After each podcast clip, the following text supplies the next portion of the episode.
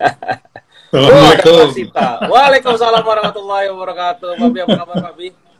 Baik, baik, sehat. Yang penting sehat. Ya sehat ya, luar biasa Pak. Ini ya. selama pandemi keluar nggak Pak? Enggak, nggak pernah keluar. Nggak pernah keluar Pak? Waduh, saya baru Sama sekali nggak keluar.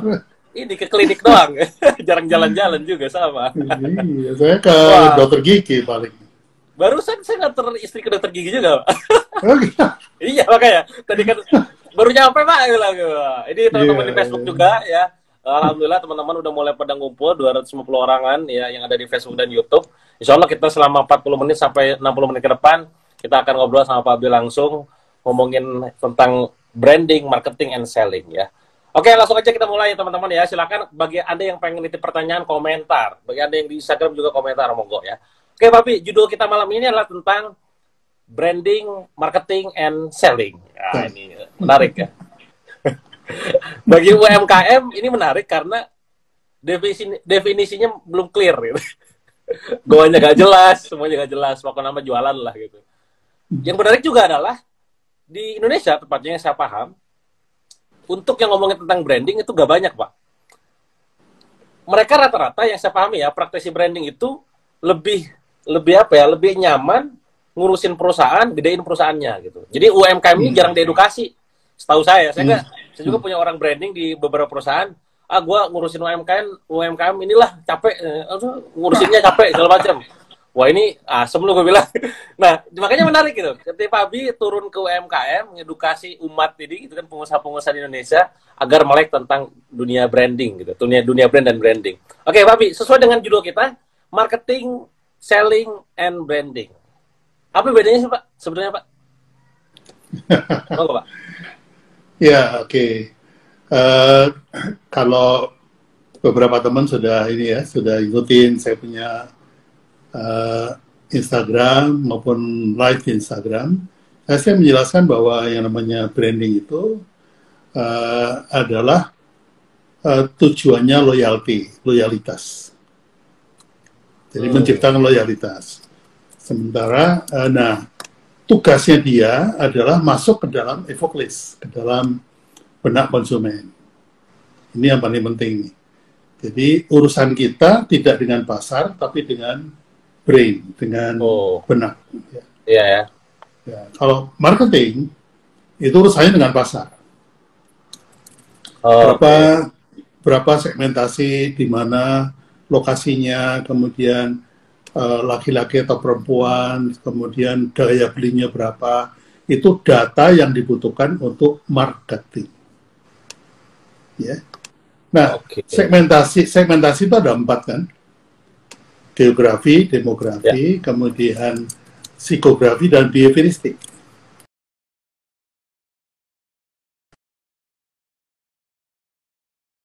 Uh, uh, branding psikografi dan behavioristik. Itu untuk branding. Sementara kalau untuk marketing lebih kepada dua yang pertama, geografi sama demografi. Oh. Kalau persona di Facebook kan itu tambahan ya, yang suka baca buku, yang suka Iya betul. Itu itu sebetulnya mau mengcover yang branding itu. Hmm. Karena branding itu berangkat dari perilaku. Perilaku konsumen itu yang membentuk brand.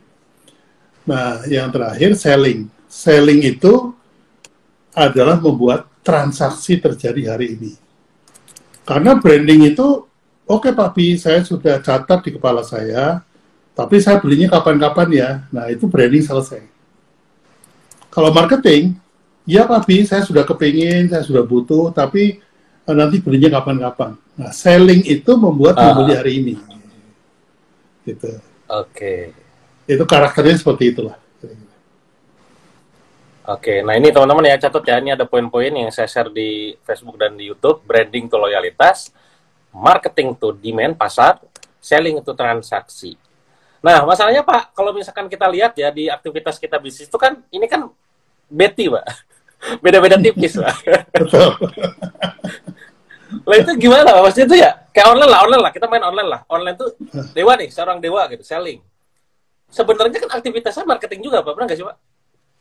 Ya, uh, kalau kita bicara tujuan bisnis, itu memang memperbesar aset. Hmm. Aset fisik adalah tugasnya marketing dan selling. Aset non fisik tugasnya branding. Oke. Gitu. Jadi kalau aset yang berupa gedung, berupa omset, berupa uang, berupa jumlah karyawan, berupa tanah, kendaraan itu adalah berkaitan sama langsung sama marketing dan selling. Tapi investasi yang masuk ke dalam benak konsumen itu adalah bagiannya branding. Nah itu goib pak. Goib. Setahu yang saya, yang saya paham gitu pak ya yang namanya aset aset non fisik maksudnya tuh yang sifatnya tuh goib ya tadi ya yang nggak yang bisa nggak bisa kita pegang duitnya hmm. yang nggak bisa kita rasakan tuh tekstur bangunannya. Kan itu nilainya tuh apa ya goib tadi gak jelas gitu. Bahkan Betul. saya dengar kabar juga nilainya lebih gede daripada daripada yang aset fisiknya gitu pak ya. Nah itu gimana pak? Maksudnya tuh apakah membangun branding itu dalam tanda kutip ya lebih sulit daripada marketing dan selling Uh, sebetulnya kesulitannya masing-masing ya. Hmm. Sama-sama tetap ada kesulitan. Tapi uh, yang namanya brand valuation itu tergantung berapa jumlah dari pelanggannya. Oh, pelanggannya okay. besar, maka jumlahnya naik. Kalau pelanggannya mengecil, maka nilainya jadi turun. Oleh karena itu, sebenarnya, jujurnya itu, pengusaha tidak pernah memiliki brand. Karena brand itu ada di kepala dari masing-masing konsumen.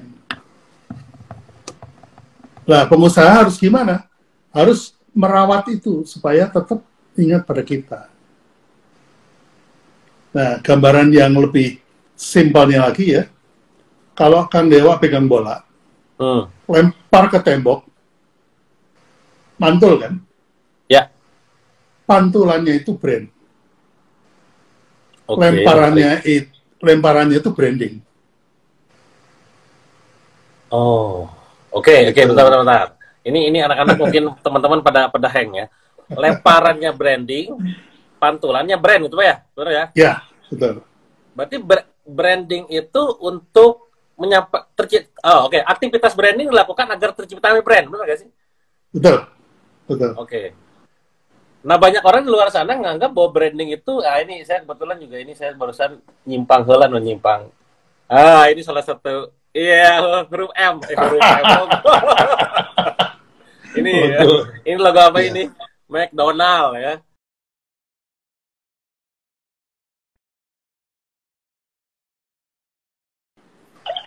Setahu saya Pak Abi dulu biang kerok jadi ngurusin kayak ginian, Pak. Cerita Pak, itu asal muasal si McDonald ini gimana tuh? yang bisa kita terapkan di UMKM gitu. Oke, okay. jadi uh, karena uh, brand itu sifatnya jadi reaksi. Sejarahnya logo M ini yang bisa membuat mahal gitu. Ini kan kesannya tuh logo, oh. Pak. Betul. Brand itu, itu ya logo, logo ini gitu. Tapi kan yeah. tidak tidak semudah itu gitu. Nah ini gimana Pak yeah. cerita Pak? Jadi lo, ke pembuatan logo itu saya nggak terlibat karena itu kan datang dari Amerika ya. Ah, ah dari gitu. saya pernah nonton filmnya tuh yang siapa? The Founder, The Founder. Founder ya. Filmnya betul. tuh ya. Uh. Nah, jadi karena brand itu sifatnya pantulan, reaksi, emosi yang timbul, persepsi yang timbul, uh, intuisi yang timbul, insting yang timbul itu ya, itu uh, maka branding itu adalah yang membuat itu timbul, yang membuat reaksi itu muncul. Oh, Oke. Okay.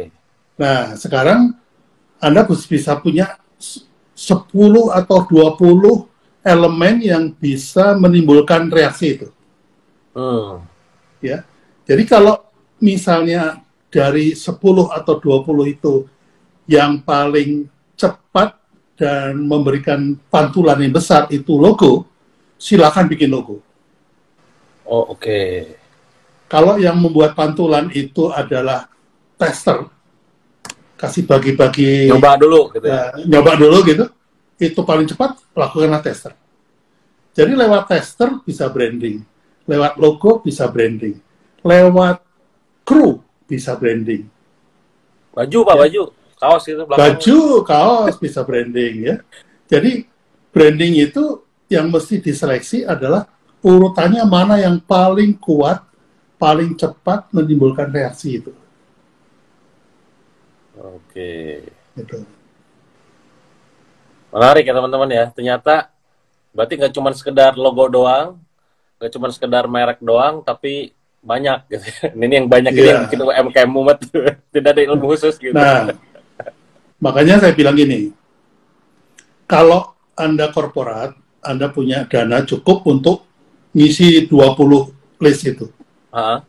Dari logo, merek, segala macam, packaging, segala macam.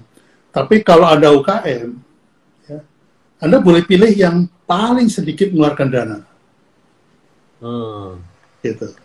Dan makanya saya selalu mengajarkan bahwa buatlah makanan yang enak, karena begitu makan, reaksinya langsung masuk ke sini.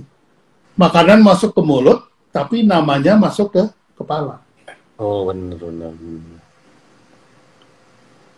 Jadi kalau UKM, saya sarankan jangan punya mindset korporat.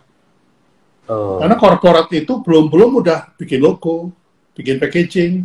Nanti kalau uh, lebaran packagingnya beda, nanti uh, tahun baru packagingnya beda. uh, Pasang iklan di TV itu adalah mindsetnya korporat. Ya, yang dia bikin uh, produk untuk seluruh Indonesia gitu ya. Hmm. Nah, kalau UKM itu lokalan aja yang kontrolnya bisa kita kendalikan. Ya, kalau ikut-ikut korporat ya eh, boncos lah. iya, makasih. Boncosmastery.com. Boncosmastery.com ya. Nah, yang menarik juga Pak, kalau bicara masalah tentang branding kan sebenarnya kalau yang saya perhatikan ya di lini, lini masa Facebook dan juga timelinenya Instagram dari Pabi itu kan banyak banget ya saya saya saya apa namanya ada namanya kelas bisa bikin brand, adanya brand activation. Terus yang kemarin copywriting tuh kan, terus juga tentang hmm. yang apa namanya yang terdekat nih teman-teman juga mungkin udah tahu ya terdekat Pabi akan ngadain workshop online namanya itu branding, marketing, selling. Nah, ini beda-bedanya apa sih Pak? Mungkin beda mungkin Betty Pak kayak bedanya apa ya? Gue perlu gak sih ikut itu? Gue perlu ikut yang ini gitu. Kapan gue beli ikut yang itu? Kapan gue ikut yang ini gitu Pak?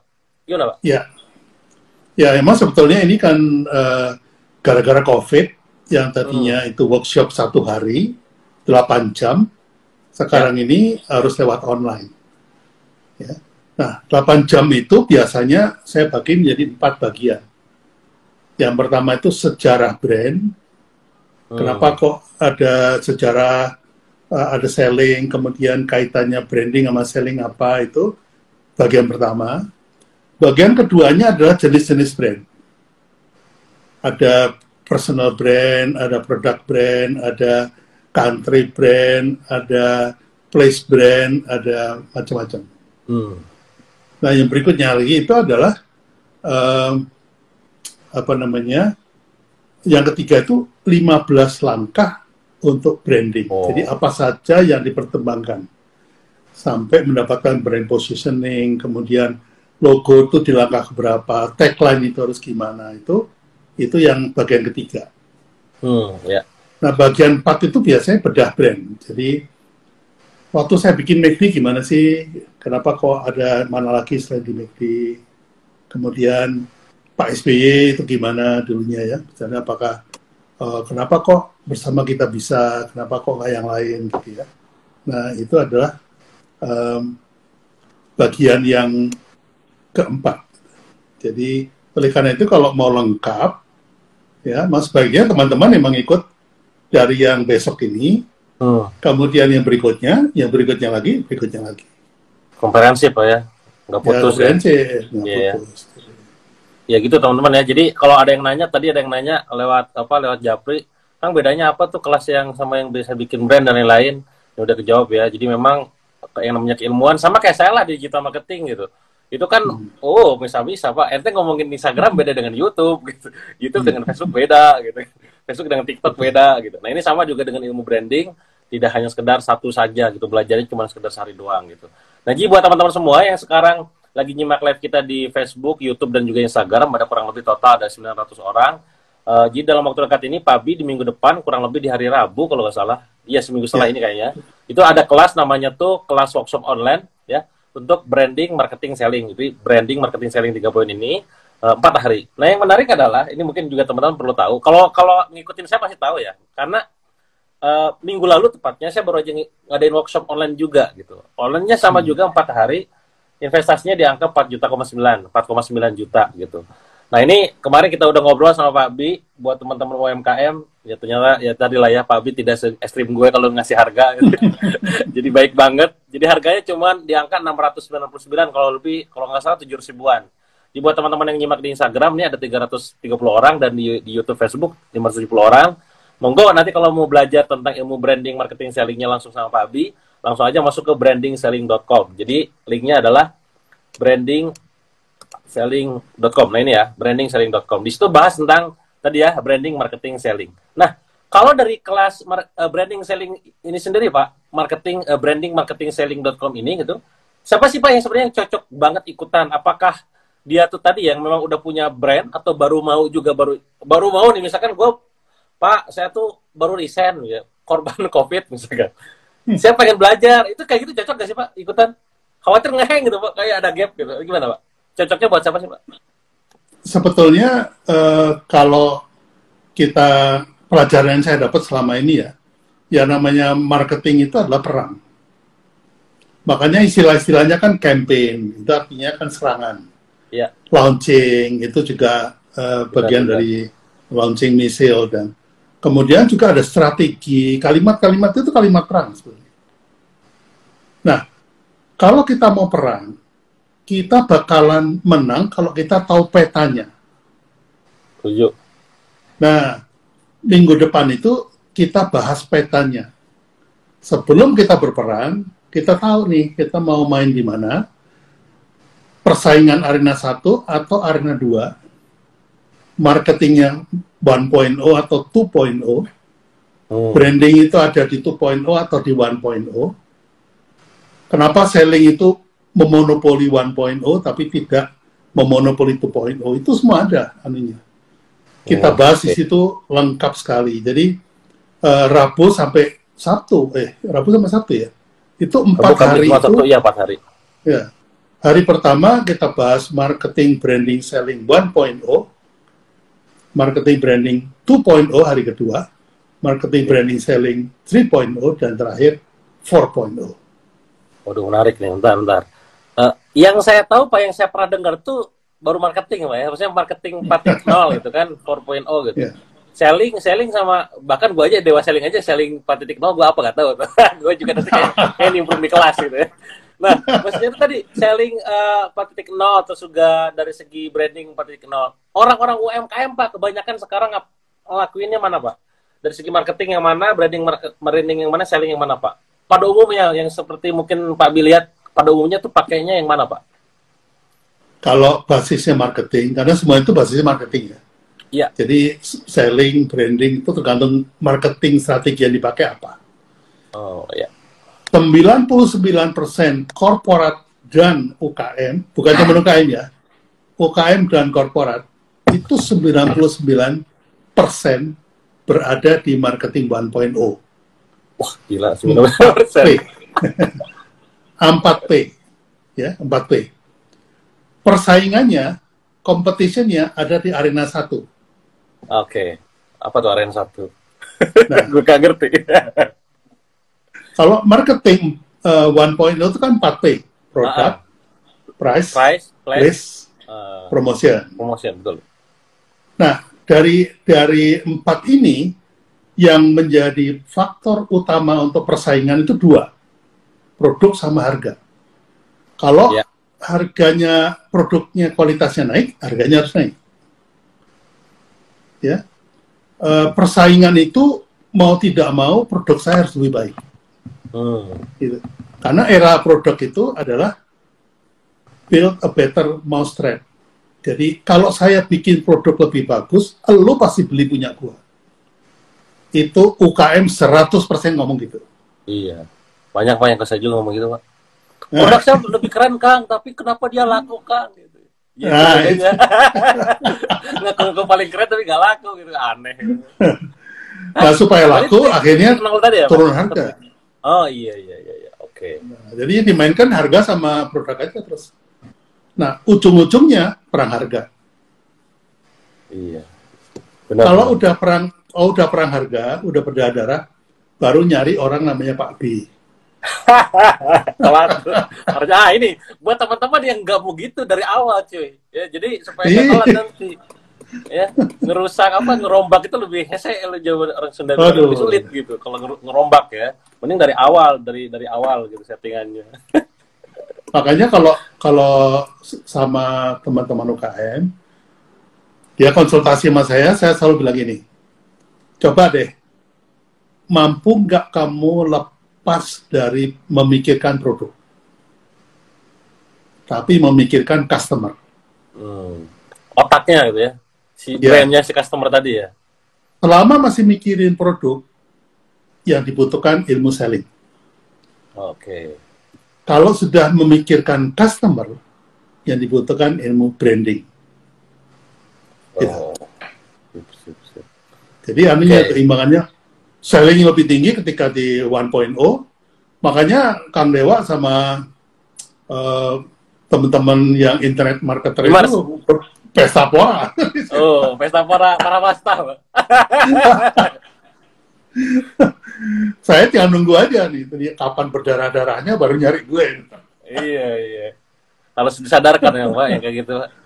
iya, dari awal harus harus siap lah. Jadi karena melepaskan diri yang namanya naik uh, uh, apa namanya skill up. Ah, iya. Itu bukan menambah jumlah toko, bukan menambah hmm. jumlah restoran. Tapi naik dari mikirin produk ke mikirin konsumen. Gitu. Oh. Yeah, yeah. Dari marketing 1.0 ke marketing 2.0 itu naik kelas namanya. Oke, okay, okay, menarik, menarik nih teman-teman ya, menarik ya. Teman-teman kalau mau nanya silahkan komen ya di Instagram, termasuk di Facebook dan YouTube. Tadi karena Pak Abi udah nyinggung immerse nih, saya jadi harus ngomong ya. Uh, ini menarik Pak, karena saya kan di dunianya topinya banyak ya, maksudnya tuh kayak saya penulis juga, saya juga trainer, saya juga immerse hmm. gitu. Di anak immerse itu memang tadi yang kata Pak Abi bilang, mereka hanya fokus ke produk, dan gilanya kalau udah main affiliate, fokusnya tuh ke perang bonus tadi, Pak, gitu. Ya. Betul. Nah, saya punya sebuah benang merah sebenarnya. Kenapa mungkin teman-teman pada nanya gitu. Saya kemarin main promosi BBS Pro-nya Iswan gitu. Per, barusan saya cek data salesnya juga nomor satu lagi gitu. Nyusul si Cici hmm. sama si Iqbal gitu. Minggu lalu juga gitu gitu. Nah, ini kan berarti 26 kali menang, Alhamdulillah teman-teman ya. Cuma hmm. gini, itu pasti semua izin Allah gitu. Cuma kalau kita polakan, apa sih polanya? Kalau saya boleh bilang gitu, ya I'm saya tidak hanya sekedar jual produk dia gitu. I'm sell my brand gitu kan. Brand gue. Hmm. Gue punya brand equity gitu kan. Yang orang kalau udah ngomong dia, oh dewa beli dah gitu kan. Udah dicap gitu, segala macam. Nah jadi itu poinnya. Nah banyak yang nanya nih, kan gimana supaya kayak gitu? Nah gue ngejelasinnya tuh gimana ya? Kalau gue ngomong kan tentang diri sendiri kayak, kayak gimana gitu Pak Abi ya? Nah, mungkin Pak Abi yeah. cocok gitu nanti di kelas tuh bedah dewa aja lah sekalian gitu. boleh, boleh. Oke, ini ada yang nanya Pak di, di, di Instagram berapa jam per hari? Mungkin uh, nanti saya akan uh, diinformasikan juga. Teman-teman silakan masuk ke brandingselling.com. Kalau nggak salah di sana waktunya itu dua jam per hari, jadi selama empat hari. Jadi teman-teman insya Allah nggak akan mabok ya, karena hanya dua jam. Pembelajaran itu uh, apa maksimal itu cuma beberapa jam doang. Jadi kalau misalkan di dalam sehari langsung delapan jam, pasti muntah ya. Jadi teman-teman dalam seharinya dua jam selama empat hari. Nanti kita bakal banyak diskusi juga di situ ya. Jadi teman-teman yang di Instagram maupun di Facebook dan YouTube ini ada seribu orang yang nonton, silakan masuk ke brand selling brandingselling.com. Sekali lagi saya ulangi brandingselling.com. Ada yang nanya apa di Facebook? Nah ini tadi apa yang mana? Nah kalau propaganda masuknya bagian dari branding bukan Pak? Tanya menarik nih. Propaganda bahasanya itu. Iya iya. iya. Kalau branding itu sebetulnya uh, gini, bedanya promosi dengan branding Nah, ya gimana tuh Pak? Tipis-tipis soalnya saya juga ngeliat itu tipis-tipis. Tipis-tipis. Itu promosi ya. nih kan. Iya. Kayak personal branding dengan personal promotion. Ah, iya. Bedanya iya. begini, kalau personal branding itu dia tuh ngomongannya cuma satu aja. Satu keahliannya dia gitu. Sehingga kebentuklah persepsi bahwa dewa itu selling. Pak Abi itu branding. Nah, itu itu personal branding. Ya. Tapi kalau kemudian belum kuat, udah ngomongin macam-macam, itu personal promotion namanya. Hmm. Jadi kan topiknya banyak nih, kan kan?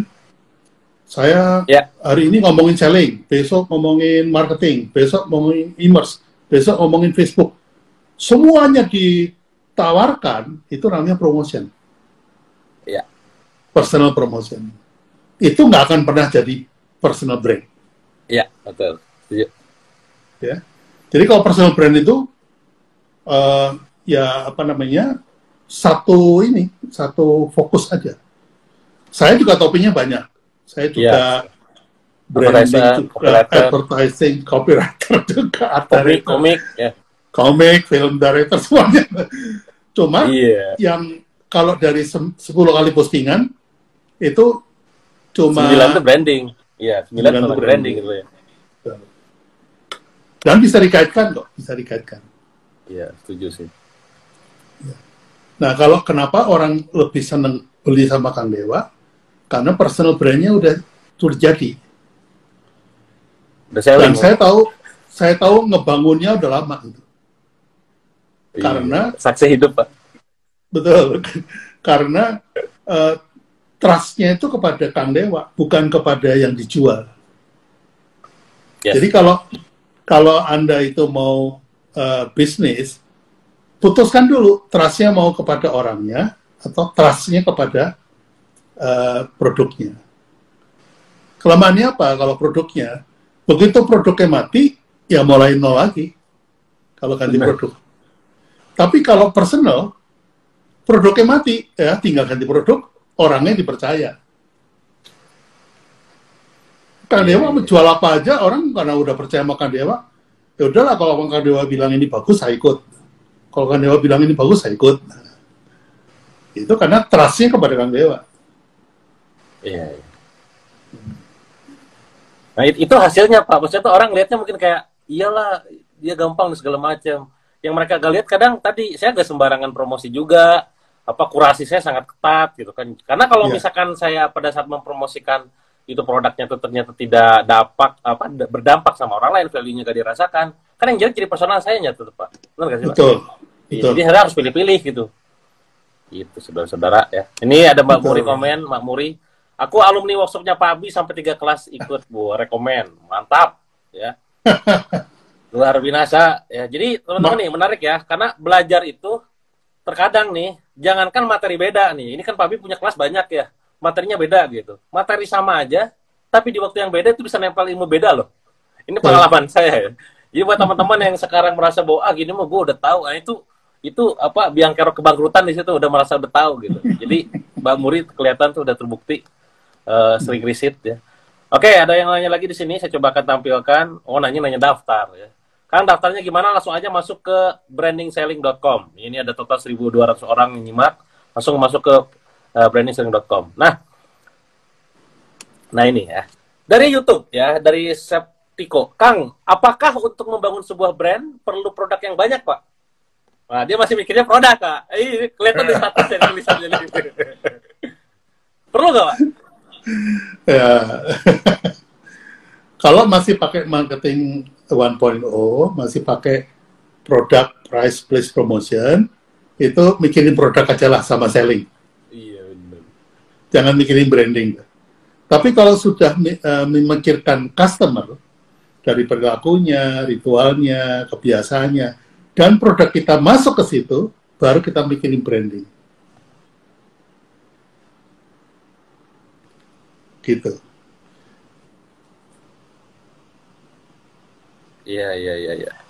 Ini ini banyak yang apa mantap daging. Waduh, ini baru baru ngasih wacana doang aja kalian udah ngomong daging kan sudah bilang kalau Dewa Live udah pasti jualan gitu kan. Anda sudah tuh jualan tapi yang nonton 1200. Ya, gue udah kayak saling on live ya. Jadi intinya minggu depan Pak Abi ada kelas workshop online-nya namanya branding selling. Silakan teman-teman nanti udah live ini non, uh, udah beres nonton masuk ke websitenya ya. Harganya enam ratus sembilan sembilan ya khawatir keburu naik aja sih. Jadi buruan daftar. Nah ini ada yang naik juga biayanya berapa? Enam sembilan sembilan ribu Mas Revi pelaksananya setiap jam berapa? Jam setengah delapan malam pada Aisyah insya Allah sampai uh, dua jam ya, dua jam setelah yeah. pelaksanaan, selama pelaksanaan ya. Oke, coba kita cari lagi pertanyaan. Di sini ada yang nanya tentang kalau reseller personal branding penting. Iya tuh. Gimana Pak? Tanggapan orang-orang yang karena jam masa banyak reseller juga Pak. Ya. Cocok gak branding marketing selling diikutin? Karena banyak nih agent, distributor, uh, seller gitu. Perlu gak sih ikut? Begini, kalau reseller itu kan seperti salesman sebetulnya. Seperti salesman. Uh, atau simpelnya seperti dokter ya. Kang Dewa lagi rapat sama klien gitu, terus kliennya pingsan. Bawa ke rumah sakit, masuk UGD, ketemu dokter Amir. Terus kliennya sembuh, disuruh pulang. Seminggu lagi kontrol ya. Kontrolnya ke mana? Ke rumah ya, sakit yang sama, ke dokter yang sama. Iya. Ya kan? ketika dia datang ke rumah sakit itu dokternya ternyata udah pindah ke rumah sakit sebelah, Anda ikut pindah atau Anda tetap di rumah sakit itu. Kalau Anda ikut pindah, artinya dokter itu mempunyai magnet selling. Iya, iya, iya. Ya. Jadi di situlah uh, mengapa kebanyakan para salesman itu membangun personal uh, personal brandnya. Kenapa? Saya belum tentu seumur hidup kerja di perusahaan ini bagian sales. Misalnya sales mobil A gitu, dia pindah ke sales mobil B, itu customer ikut ganti merek loh. Iya, iya. Nah, kan sering kan, kan, kan Dewa juga begitu kan. Kalau yeah. misalnya punya langganan apa baju atau langganan apa ikut ganti merek kan. Iya benar Pak, setuju Pak. Apalagi kalau dokter tuh kan kadang kita nyaman gara-gara dokternya sih. Dokter sini nggak ada, mending gue nanti lah pending dulu aja lah gitu periksa. yeah. Nah ini ada pertanyaan yeah. di Facebook. Uh, Dwi Joko Susilo, yang di branding itu baiknya produknya atau orangnya, Pak? Ya, ya. Jadi pertanyaan saya, Anda ini termasuk UKM atau korporat? Kalau korporat, produknya hanya di branding. Hmm. Kopiko, Indomie, kemudian kartu as, apalagi uh, Mandiri Fiesta, terus Polytron, Digitech itu semua produknya dibangun. Ya, karena dia akan bertahan mati-matian terhadap produk itu. Dia yakin masa depannya panjang. Nah, kalau Anda nggak yakin masa depannya panjang, sebaiknya orangnya yang di branding. Supaya apa? Kalau ya. tahun depan ganti produk, orangnya masih dipercaya. Ini anunya, apa namanya, menurut saya. Jadi, ya. kalau teman-teman UKM, saya sarankan personal brand aja lah. Ya, contohnya kalau Yujum, Gudeg Jogja. Kalau dia jual sambal Yujum, dibeli apa enggak? Dibeli Ya. Kalau dia jual lamanya bumbu yojum, dibeli. Gitu.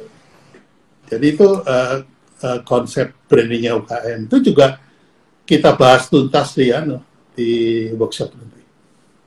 Iya iya. Jadi buat teman-teman reseller nih sekarang reseller ya banyak yang juga nanya di Instagram. Kalau misalkan apa namanya personal pengen bangun personal brand, setidaknya teman-teman nanti ada gambaran di workshop branding selling itu, branding marketing selling itu terutama gini, ini pengalaman saya ya, pengalaman saya tuh kan dulu saya dibikin di bedah tuh, saya jadi gini tuh, mungkin cerita dulu ya. Saya dulu pernah ngundang Pak Bi nih, ngundang Pak Bi ke Bandung, awalnya tuh ketemu di workshop orang lain gitu, di mana gitu, gua kelas hmm. peserta lah gitu. Terus kenalan kan, misalnya kenapa kita kenalan pertama kali Pak? Nama apa? Itu orang Dewa Selling. Apa Dewa Selling? Kata Pak Bi ngomong gitu. Padahal gue bilang, nama gue Dewa Pak, hobi gue Selling. Oh iya, Dewa Selling gitu. Iya, iya, iya katanya. Nah dari situ kita ngobrol kan, terus oh ini ilmu canggih juga nih. Nah gue kan otak gerak nih kan. Kalau gue ikutan workshopnya Pak Abi, lumayan nih bayar 8 juta gitu, 6 juta 8 juta nih. Langsung saya kontak anak billionaire coach Pak. Baru dak teman-teman. Kita adain aja yuk workshop di Bandung. Kita undang tuh Pak Abi kan. Itu trik saya Pak. Dapur. Nah, sekarang teman-teman, Anda gak usah bayar kayak saya dulu ngundang Pak Bi, katakanlah bayar di angka berapa puluh juta gitu ya. Terus juga apa namanya orang-orang daftar workshop on offline-nya tuh sekian juta. Karena untuk workshop online-nya itu itu bayarnya cuma sekitar di angka 699 700 ribuan. Jadi buat teman-teman yang pengen ikutan silakan dimanfaatkan. Nanti udah ini masuk ke brandingselling.com. Di sana informasinya lengkap banget kok ya. Ini buat teman-teman di Instagram juga yang ketinggalan, silakan nanti di YouTube ada rekamannya kok untuk live malam ini. Ya nanti bisa ditonton ulang. Sekiranya ada gambaran lah. Kita ibaratnya gini, kita gak mau uh, apa ya menyampaikan sesuatu nanti itu di kelas tapi kalian tuh gak, gak kebayang nanti kayak apa yeah. nih kasih tau dulu nih bocorannya jangan sampai beli kucing dalam karung kan nih oh bedanya yeah. itu yuda nih gitu ya oke saya coba lagi tampilkan pertanyaan dari teman-teman hampir rata-rata sama sih produknya tuh orangnya terus kalau untuk baru tuh baiknya yang mana dulu nah ini kebingungan ini insya Allah nanti jelas ya selama empat hari langsung ya ya nah menentukan market, apakah harus brandingnya dibangun dulu? Nah ini, ini kan pertanyaannya gabung-gabung pak. Eh, berarti teman-teman ya, menentukan market, apakah harus brandingnya dibangun dulu?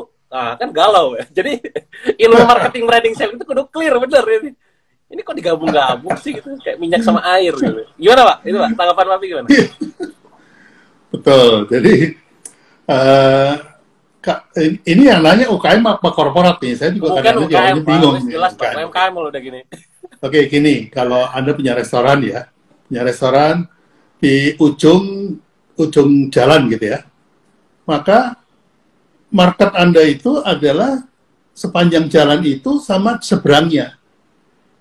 Kalau di jalan itu ada 50 rumah, seberangnya 50 rumah, itu udah 100 rumah loh. Udah 100 rumah. Nah, sebelum Anda menentukan produk, Anda belajar sama tukang sayur. Panggil tukang sayur, duduk ngobrol. Pak, rumah nomor satu namanya siapa? Pak siapa? Istrinya namanya siapa? Anaknya berapa? Apa? Sekolahnya di mana? Belinya apa? Apa tukang sayur itu? Jadi nggak usah bikin survei, nggak usah bikin riset. Wawancarain tukang sayur aja udah beres. Nah, akhirnya apa? Anda tahu bahwa ternyata dari produk yang Anda miliki, itu yang cocok buat jalan ini dan seberangnya itu produk 1, 2, 3, 4. Yang Anda lakukan nggak usah branding. Bikin contoh, kirimin ke masing-masing rumah, itu dari 100 pasti ada 10-20 yang beli. Nah, itu adalah cara McDonald. Hmm ya. Jadi McDonald itu dulunya UKM juga. Iya. UKM juga. Jadi McDonald itu sampai sekarang dijadiin SOP. Kalau dia buka lokasi, itu dia survei satu kilometer radius. Nah, apa yang dilakukan di situ? Dia cari karyawan. Karyawan harus dari satu kilometer. Kenapa? Supaya nggak telat datangnya. Ya. Yang kedua, supaya datang ke sampai ke toko itu masih rapi, masih wangi gitu kan, nggak keringetan numpang gojek. Kemudian keluarga dari karyawan bisa jadi customer. Gitu. Karena bangga anaknya kerja di McD kan. Iya, iya. Jadi customer. Kalau ada tamu datang ke rumahnya, diajak makannya ke McD. Jadi satu kilometer itu sangat penting itu korporat segede McDonald. Waktu grand opening, yang diundang itu tetangga satu kilometer itu. Itu korporat namanya McD dari Amerika. Mosok UKM dari Bandung, dari Cipularang. Wah, mikir Papua Nugini lah, ekspor iya, ke bener, bener. Kejauhan. Tujuan. Uh, ini ada yang nanya juga branding bidang jasa sama gak langkahnya katanya? Sama gak sih pak? Sama, sama, sama ya. aja. Nah itu itu yang teman-teman perlu tahu tuh frameworknya ya. Jadi step by stepnya tadi sih dari ketiga tuh benar-benar tercerahkan lah di situ ya. Jadi buat teman-teman yang pengen belajar sama Pak Bi langsung di pekan depan di hari Rabu tepatnya selama 4 hari, moga masuk ke tadi ya yang saya share di bar. Nah, ini brandingselling.com ya. Oke, okay, ya. saya coba akan bacakan lagi mungkin ini tiga pertanyaan terakhir sebelum kita tutup. Masya Allah keren bahasannya, Alhamdulillah. Ya silakan nanti tonton ulang di YouTube bagi teman-teman yang telah daftar ya, telah, telah tonton ya. Nah, ini yang nanya nih, ah, ini mungkin Pak Bi juga kenal ya ownernya ya, kayaknya kemarin juga live bareng deh. Pak tanya hmm. beberapa branding batik, contoh misalkan kayak batik Trusmi gitu, hmm. kayak The Keranjang Bali, berbeda, padahal ownernya sama satu itu itu jenis pivot atau diferensiasi tahu Pak? Oh, kalau kalau itu jenisnya market ini ya uh, market development itu. Jadi mendevelop ya? market karena oh, yang, dia pindah geografis. Yang satunya di Tapi, Cirebon, yang satu Bali ya. Betul. Dan bisnisnya mirip-mirip sih. Yang satu oleh-oleh juga, oh, ya. satu oleh-oleh juga gitu. Cuma ini oleh-oleh Cirebon, ini oleh-oleh Bali gitu. Oh iya. Gak keluar dari DNA-nya nih, apa ya? Enggak, DNA-nya tetap sama. Iya sama sih. Nah, itu tuh teman-teman juga bagi yang nggak paham Oppo DNA Double Nuclear Academy acid nanti belajarlah di situ. Kan workshopnya itu dari mulai sore ke malam ya, bukan dari Bada Isya ke malam. Jadi jam seginian kurang lebih jam setengah delapan sampai jam setengah sepuluh berarti dua jam ya, per malam ya. selama empat hari. Tenang teman-teman, insya Allah bagi yang masih kerja aman kok ya. Sama juga ini pertanyaan kan branding produk terbaik produk apa ya sama lah. Pada akhirnya anda bisa hmm. apa ngikutin step by stepnya. Pak, kalau step by step itu Pak sebenarnya bisa nggak sih lompat Pak? Yang Papi bilang tadi katanya di hari ketiga tuh kita bakal belajar tentang step by step tuh. Itu lompat bisa nggak ya. Pak langkah ke tujuh langsung gitu? Uh, kalau yang step by step itu bukan di hari ketiga, tapi workshop ketiga. Oh, workshop ketiga, workshop ketiga ya. ya. Kalau oh, workshop ketiga gitu, hari, gitu, Pak. Uh, ya. Itu itu bisa hari lompat ketiga, tahapannya? Um, sebetulnya bisa, tapi lebih baik sih memang urutan ya. Nanti ngerobak Pak ya? Kalau salah iya. robak. ya mending ngurut aja bro ya. Saya orangnya yeah, yeah. gini gini. Yang menarik ya, apa namanya? Saya belajar ilmu NLP teman-teman ya. Ini mungkin teman-teman juga perlu tahu. Belajar ilmu semantik juga. Salah satu topik yang memang ada tiga hal yang perlu kita lakukan pada saat ngajar. Ini kita kan saya sama Pak Abi juga selain praktisi juga ngajar ya. Nah salah satunya adalah mengubah opsional jadi prosedural gitu. Jadi yang awalnya acak-acakan pola pikir kita acak-acakan kan. Jadi saya pernah ketemu Pak Abi waktu itu di Kodeni, kalau nggak salah di workshopnya Kodeni di Jakarta. Ada orang nanya, Pak Rodi kalau salah nanya, Pak itu gimana bikin slogan? Kok bisa plus itu yang jadi gitu kan? Nah itu kan kalau jawabannya Pak Abi, ya gitu. Ya, ya yang gitu ini kan harus iya. dipolakan. Nah menariknya yeah. adalah teman-teman gitu, di workshopnya Pak Abi ini, pola-pola tadi yang secara spontan, un unconscious kompetennya Pak Abi itu, dipolakan dalam modul. Nah itu teman-teman nggak usah nunggu bertahun-tahun kayak Pak Bi katakanlah 50 tahun pengalaman atau misalkan 40 tahun karena dalam empat hari bisa kebayang. Jadi bagi saya sih seorang yang memang pembelajar juga sangat worth it untuk investasi di angka tujuh ribu bahkan belasan juta gitu. Bahkan nggak harus belasan juta kalau kalian ya, hanya tujuh ribu untuk bisa dapetin pengalaman segudang pengalamannya Pak Bi gitu ya. Oke, ini mungkin kita akan coba jawab per dua pertanyaan terakhir. Uh, ini dari Facebook ya. Yayi. Kang mau nanya kalau produk udah yakin enak yakin enak menurut siapa? Dan sudah ada pelanggan tetap. Branding seperti apa yang dijalankan? Enggak pak? Iya pak. Nah kalau produknya sudah enak yang dibutuhkan adalah unik. Hmm. jadi enak saja tidak cukup harus unik. Maksudnya unik itu uh, produk yang kategorinya sama, tapi Anda yang satu-satunya. Gitu. Jadi harus ada kekhasan, harus ada unique selling proposition. Nah, kalau sudah ada pelanggan tetap, itu artinya Anda sudah punya brand. Hmm, iya benar. Karena pelanggan itu sudah ada ikatan emosi, udah rasa suka, udah rasa cinta, sehingga datang balik lagi, balik lagi, balik lagi. Jadi brandingnya dijalankan apa? Peliharalah pelanggan Anda. Itu brandingnya sih. Iya, iya, iya. Anda udah Dirawat. punya Iya, udah ada udah ada punya, pelanggan ya. Udah ada brand. Udah ada udah ada pantulan kan, udah mantul iya. itu. Nah, tinggal melemparnya ini dari 20 poin ini mana sih yang paling mantul tuh yang mana gitu. Cari aja. Oke, ini ada pertanyaan di Instagram apa tentang naikin harga. Mungkin saya uh, coba tambahkan juga. Banyak yang penasaran gitu, naikin harga. Jadi gini, orang-orang nanya, kan gimana sih cara formula netapin harga gitu ke saya tuh Pak. Jawaban saya kan gitu ya. Jawabannya gimana kira-kira? Ya, yuk, saya bilang terserah saya bilang. Rumusnya gimana? Gak ada rumus saya bilang. Harga yang rumus itu harga yang berdasarkan produk kalau versi saya. Ya, tadi kan yeah. kalau kata Babi poin satu titik nol itu. Berarti kan HPP-nya yeah dia jual sekian sekian gue jualan buku HPP cuma lima belas ribu jual tiga ribu ayo gimana ngitung tuh yeah. kan workshop Betul. modalnya gue kalau on, offline itu berapa jual berapa gitu yang sama yeah. gitu nah maka kita perlu belajar agar dipersepsikan memang mahal itu memang worth it untuk dikeluarkan tuh duit segitu gitu. ya nah itu yeah. polanya itu gimana cara netapin uh, bisa bukan gimana cara netapin harga mahalnya ya tapi gimana mahal itu menjadi relevan di benaknya orang itu adalah permainan brand branding tadi gitu permainan branding Betul. mungkin Pak ada pengalaman Pak kalau misalkan jual produk mahal itu uh, apa namanya cerita ceritanya mungkin dari murid-murid Pak sebelumnya ada yang dia tuh cuma berapa harga gede tapi dapat loyalitas yang luar biasa gitu. Gimana Pak? Ada nggak?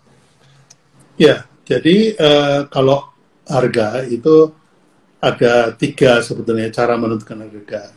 Ya. Yang pertama cost plus. Cost plus itu okay. HPP-nya berapa ditambah dengan margin. Hmm. Yang kedua competitor price. Oke. Okay. Ikut aja. Kompetitor harganya berapa, Nah, marginnya itu, bedanya itu, selisihnya itu dari HPP kita itu adalah uh, uh, profit. Ya. Nah, kemudian ketiga itu premium. Nah, premium price itu munculnya karena ada brand. Ah, Jadi, itu penting. Harga cost ditambah margin, di atasnya ini adalah trust. Uh, gue gue Kepercayaan itu menambah uh, mem membuat customer rela mengeluarkan lebih mahal.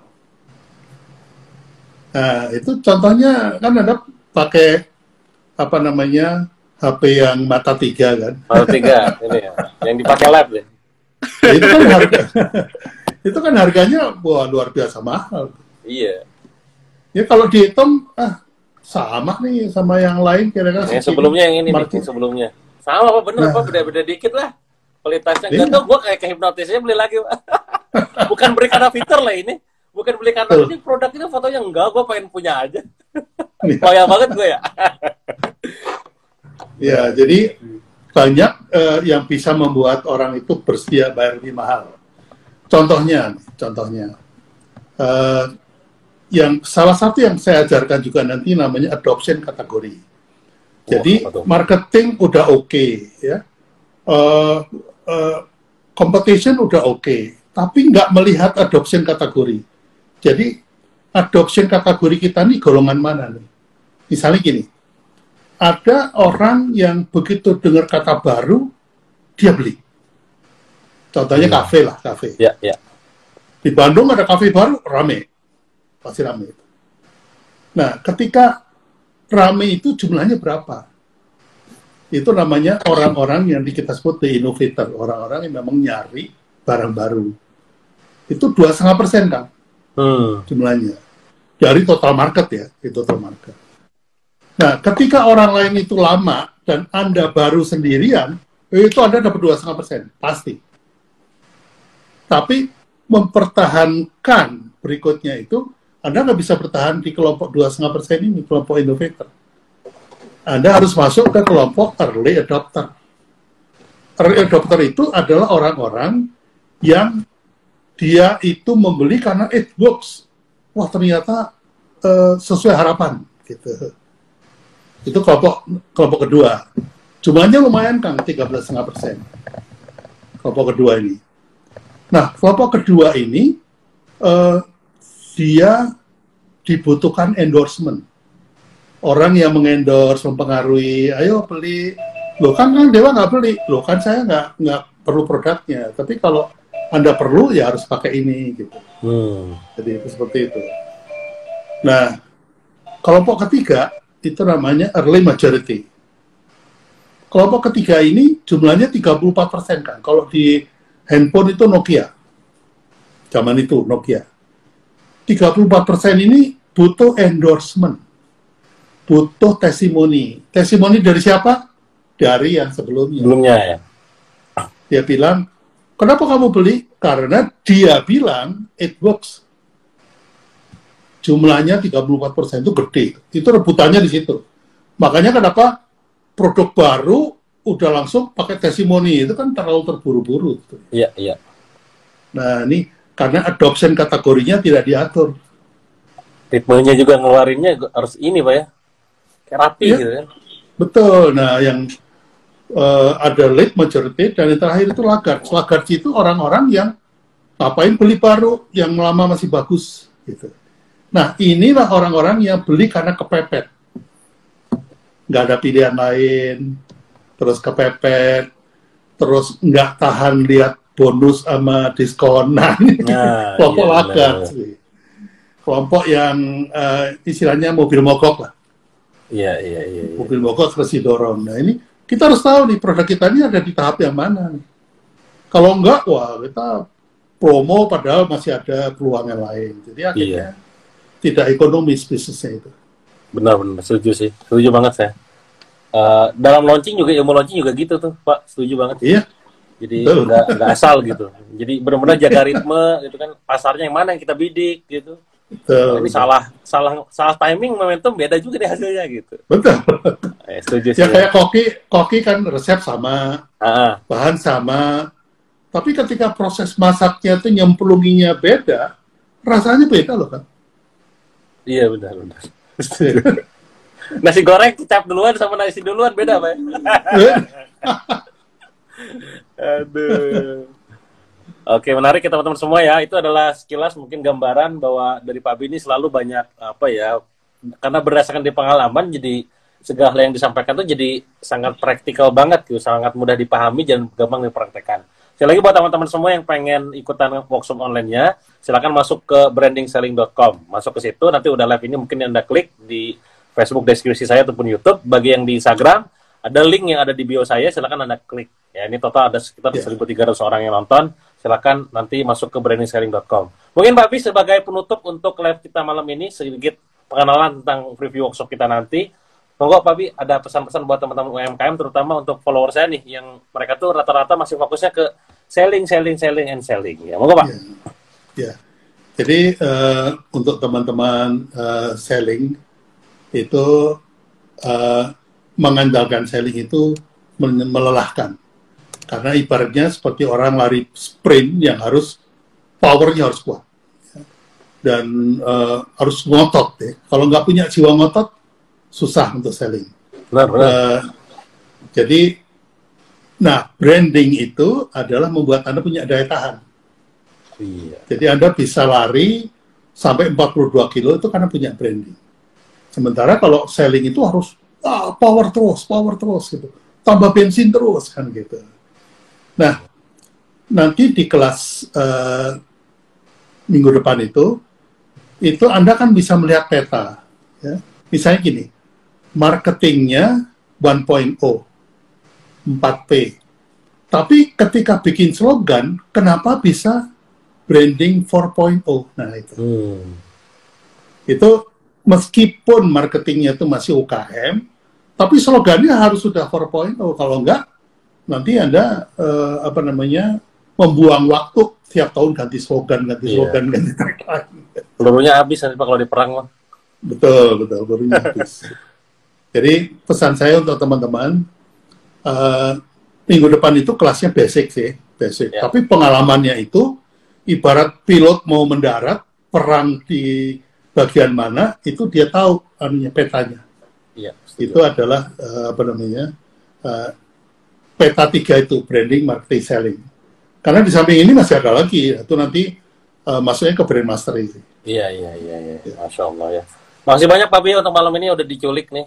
uh, jadi Sama -sama, kita banyak pelajaran ya tentang branding, marketing, selling. Walaupun hanya 40 menit, 45 menit, tapi dapat banyak insight. Apalagi nanti di kelas workshop yang durasinya empat hari ya empat hari dan juga kita bisa Q&A langsung. Sekali lagi makasih banyak Pak Bi ya. Semoga kita bisa Masih, bertemu ya, di sama -sama. lain kesempatan soalnya nanti saya juga duduk dah di kelas ya. Pengen nyulik-nyulik lagi nyuri-nyuri ilmu. Yuk Pak, pamit Pak ya. Ya, Pak. Assalamualaikum. Assalamualaikum warahmatullahi wabarakatuh.